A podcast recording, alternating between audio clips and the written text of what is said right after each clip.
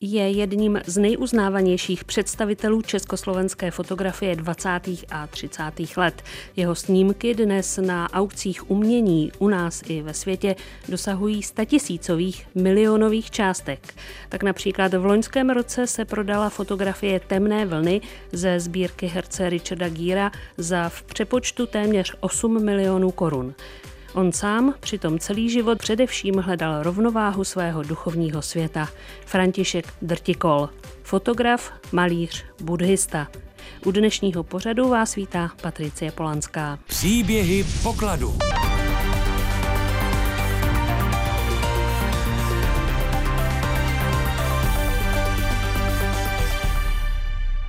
František Drtikol se narodil 3. března 1883 v Příbrami. Letos to tedy bylo 140 let. To je, což si málo lidí uvědomuje, takový místo na rozhraní dvou světů. Na jednu stranu teda pod námi jsou ty doly, kde došlo i k těm tragickým událostem, který on zažil v dětství, s velice vyvostřenou sociální vlastně otázkou. A na druhou stranu se klene nad tím městem Svatá hora, jedno z, nej, z nejslavnějších vlastně poutních míst. A řekl bych, tento rozměr eh, vertikální, vlastně to je rozměr i osobnosti toho Františka Drtikola. Myslí si Jan Mlčoch, kurátor fotografické sbírky Umělecko-průmyslového muzea, kde se dnes nachází většina drtikolových fotografií. Mimochodem, ta příbramská tragédie, o které se Jan Mlčoch zmínil, tedy požár na dole Marie v květnu 1892, otřásla širokým okolím. O život tehdy přišlo více jak 300 horníků. Po mrtvých zůstalo více než 900 sirotků. Dodnes je to jedna z největších důlních katastrof minimálně v Evropě. Důsledky pro sociální poměry Příbramska musely být obrovské. A jistě je vnímal i malý František, jehož dětství a mládí v rodině maloměstského obchodníka bylo jinak zřejmě v celku šťastné. Tatínek obchodník ho podporoval, nejdřív na škole, pak ho vyslal teda do Mnichova, což Bánově je založena e, fotografická škola, která tady v Čechách neměla obdobu.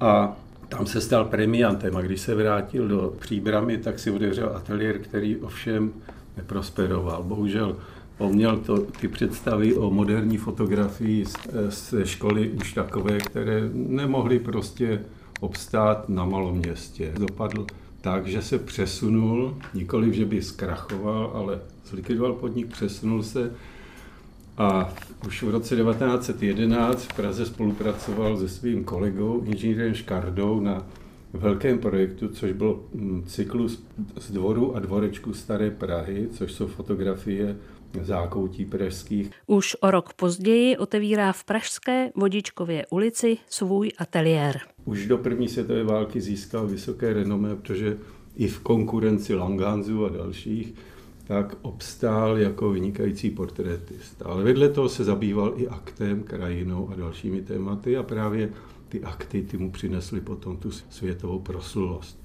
To je začátek tvorby pak. První světová válka po válce, řekl bych, nezakrsl ve svém výtvarném názoru a rozvíjel teda svůj talent, zejména teda v té volné tvorbě.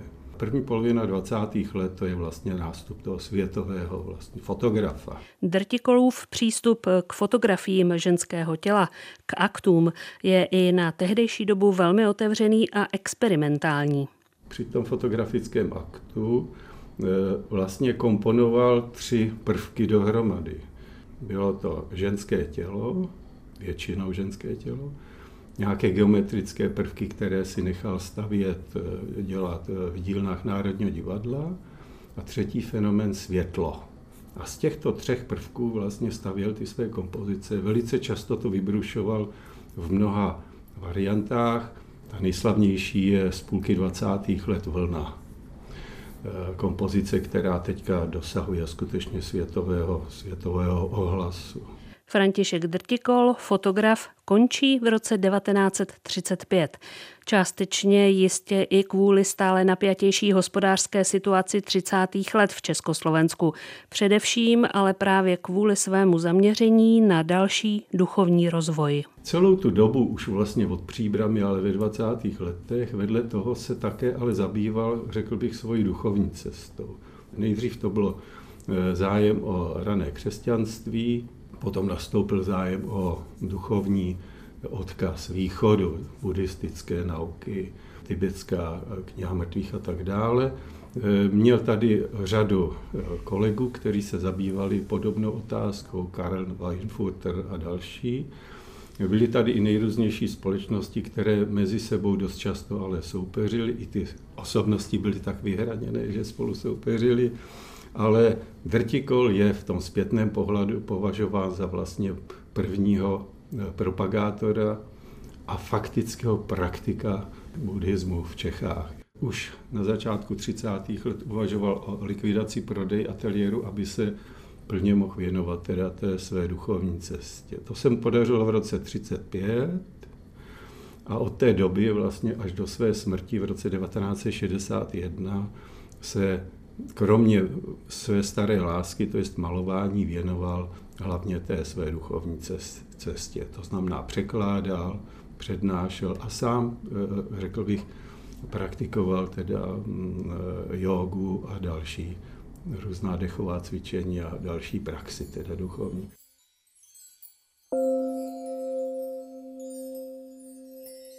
Rytmus dýchání má být klidný, pomalý a vždy a za všech okolností stejnoměrný a pravidelný.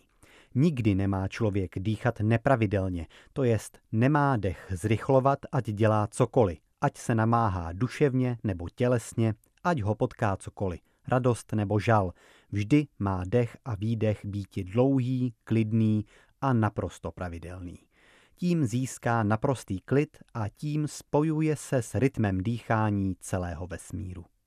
Jakmile nastane zrychlení nebo zpomalení rytmu dýchacího, nastává vždy katastrofa, jak v těle, tak ve vesmíru. Naučíme-li se dýchat za všech okolností dlouze, klidně a pravidelně, nemůže na nás zhoubně působiti žádný dojem, jako strach, žal, prudká radost a tak dále nemůže na naše zdraví působit žádná tělesná námaha, ať je jakákoliv, i kdyby byla nad naše síly. Naučíme-li se tak dýchati, ovládneme své tělo, své zdraví i své myšlenky. Tak to byla ukázka z knihy František Drtikol Duchovní cesta, ve které Stanislav Doležal, velký znalec jeho díla i filozofie, schromáždil útržky Drtikolových rukopisů, poznámek, korespondence, vzpomínek přátel a další prameny. Text je z roku 1928. Je vlastně to osobnost velice pestrá, ale současně i velice, řekl bych, nikoliv rozporuplná, ale velice vyostřená. Konec konců je z generace eh, Jakuba Demla a podobných lidí, kteří byli velici individualisté. A právě i u toho drtikola eh, se střetávají vlastně různé světy. Na jednu stranu třeba na začátku tvorby eh, byl veliký lirik v krajině i v portrétu, pak do toho vstoupila taková až expresivita v podobě osudových žen, kdy fotografoval Salome s hlavou, s hlavou Jana Křtitele a podobné, teda vypjaté scény, zejména biblické. Potom došlo k tomu sklidnění, řekl bych, až formálnímu ve 20. letech, kdy vytvářel ty nádherné turistické kompozice.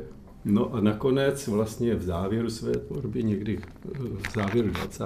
let, zjistil, že už mu vlastně ani reálné ženské tělo nevyhovuje tak začal pracovat s vyřezávanými figurkami, které komponoval vlastně do eh, takových světelných kompozic, fotografoval je. To je vlastně závěr té tvorby.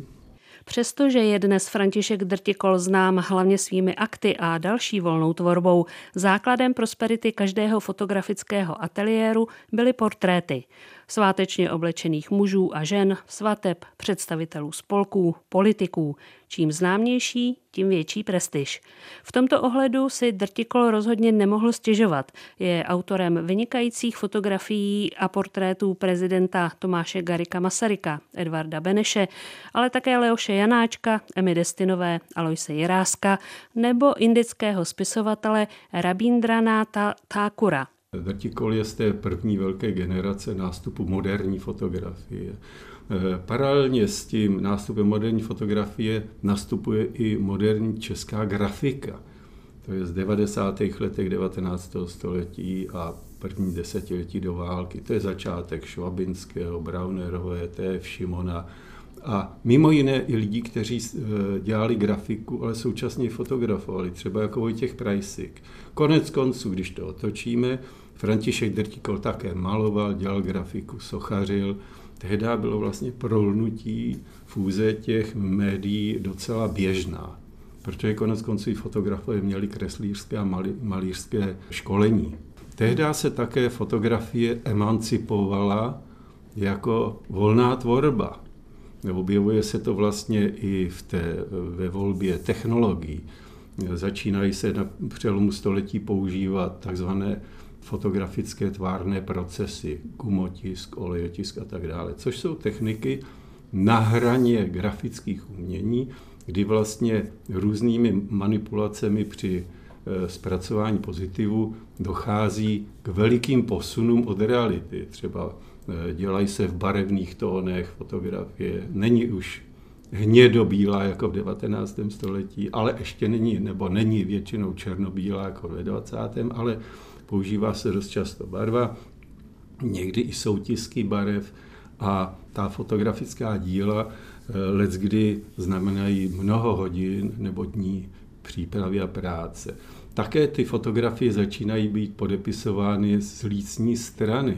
Prostě jako grafické dílo. V dnešní době digitální fotografie si asi těžko dokážeme představit, že od těch nejslavnějších fotografií existuje třeba jen jeden exemplář. Je tedy svého druhu zázrak, že se vůbec něco dochovalo. Mimochodem, co znamenalo na začátku 20. století jít fotit? V 19. století, když byly takzvané mokré procesy, kdy se musel vlastně připravit ten negativ na místě, tak se musela vozit maringotka nebo stan, že se to připravovalo, exponovalo a, a eh, ustalovalo hned na místě. Tak to bylo takhle divoké. Potom k přelomu století už ty technologie postoupily, že eh, vyšly stříc i amatérskému hnutí. V Čechách bylo amatérské hnutí založeno při 50. výročí objevu fotografie byl založen ten první klub 1889. Eh, Jenom pro, pro představu, v meziválečné době se vedle profesionálních fotografů, amatérskou fotografii organizovaně zabývalo v českých klubech v nejrůznějších městech takřka pět tisíc amatérských fotografů.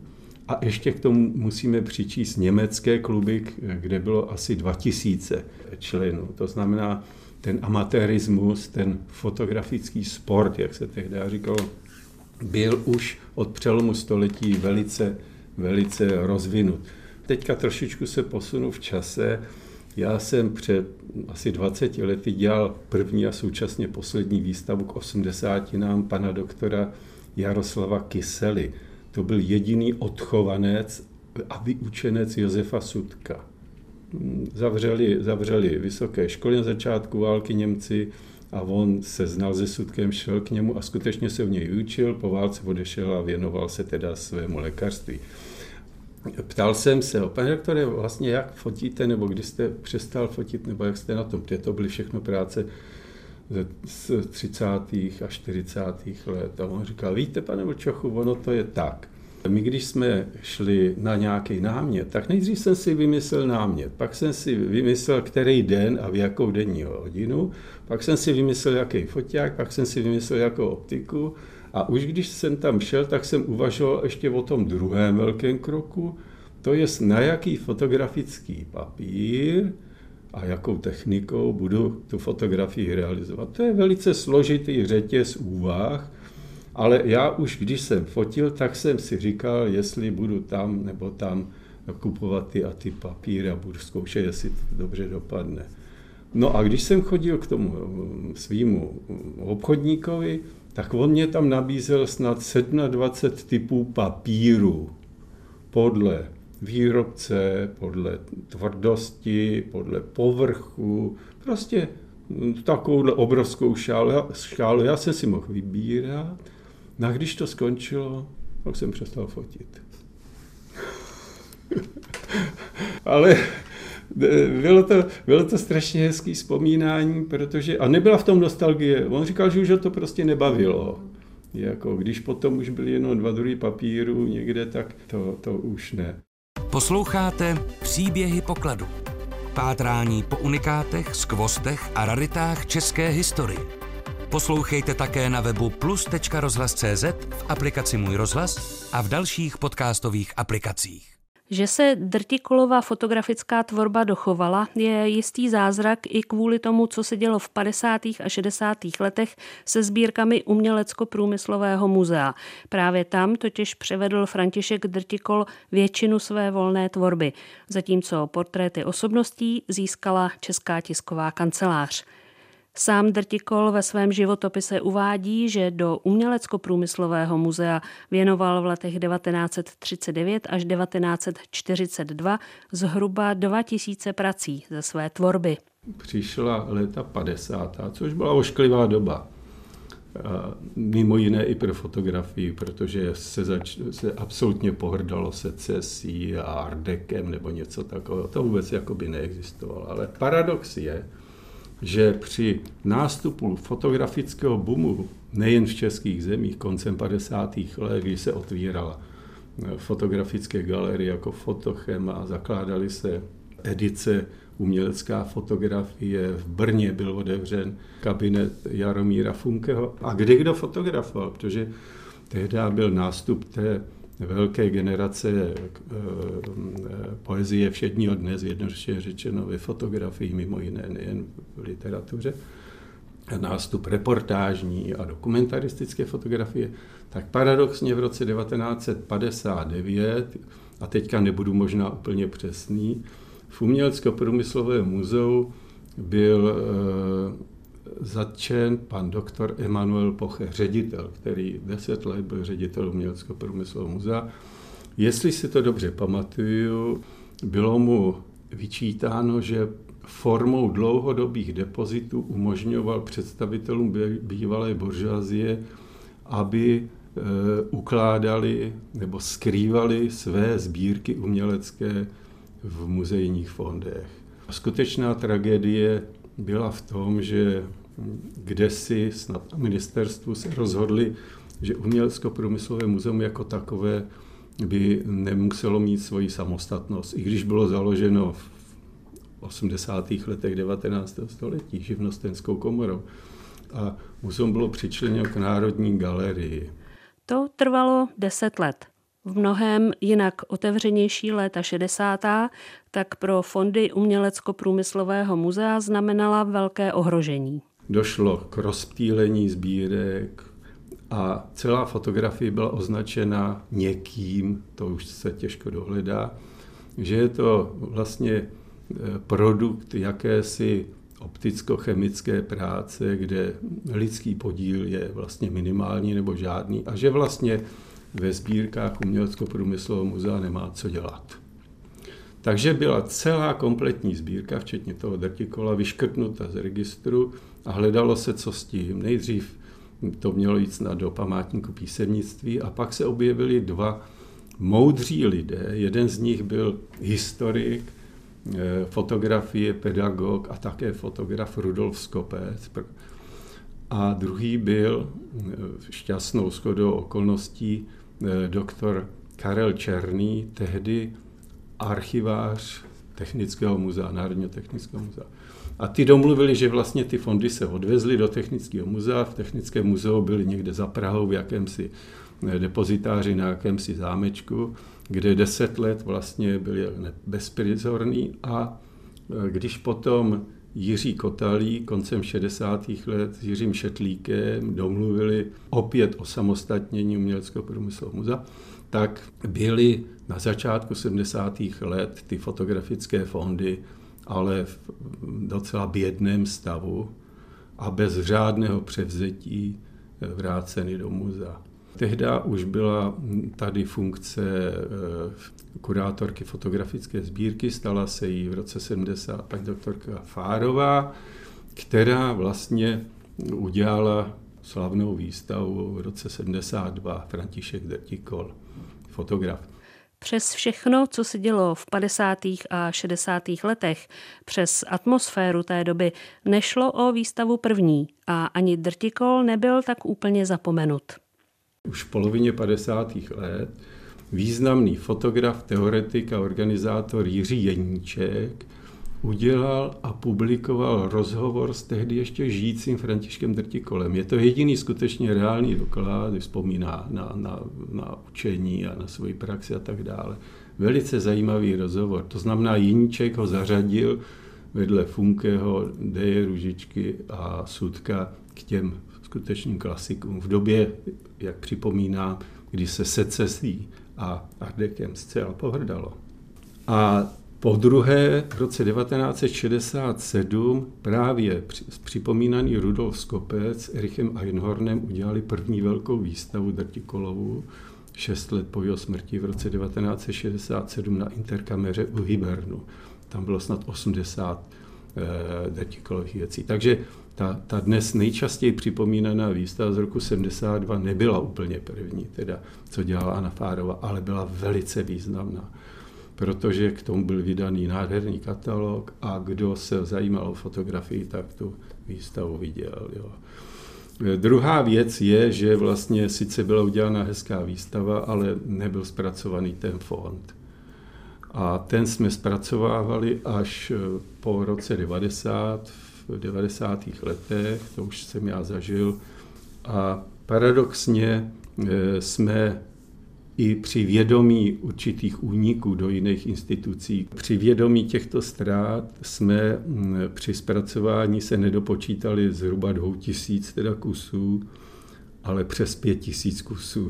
On se, on se splet sám dárce kdysi, eh, neodhad ty tisíce a potom se to už jenom opisovalo, takže i mm, pozdější badatelé stále teda opakovali tuhle docela, myslím si, zásadní, zásadní hloupost. No. Výjimečnost Františka Drtikola jako fotografa byla uznána už ve 20. letech.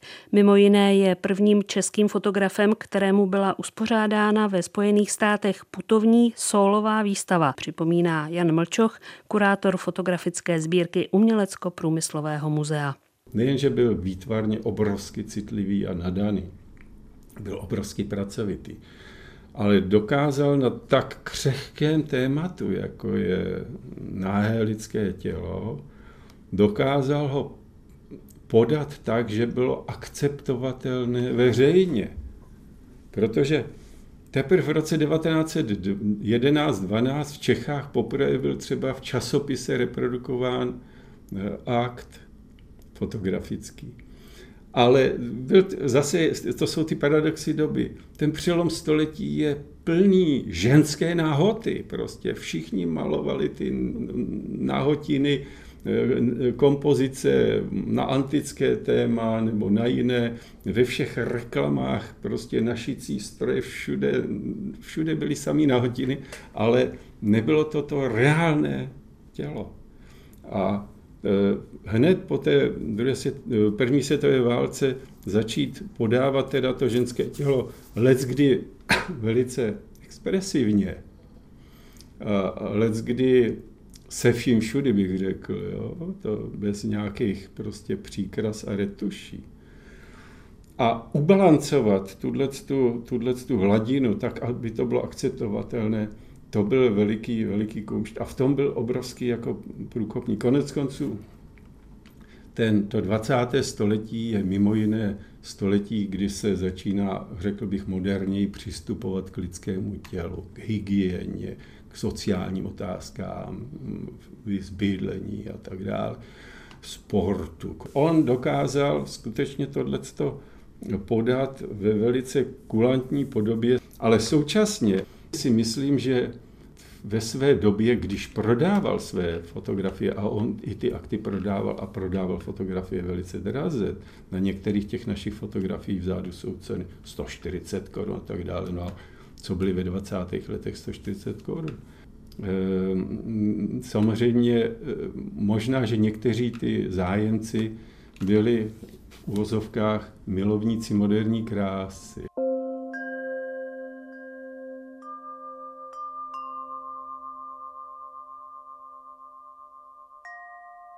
Člověk je otrokem času. Citujme ještě jednou z knihy František Drtikol Duchovní cesta. A také Síla trvá stále stejná, nezměněná, nezměřitelná. Jen nástroj se mění a nemůže sílu vždy stejně projeviti.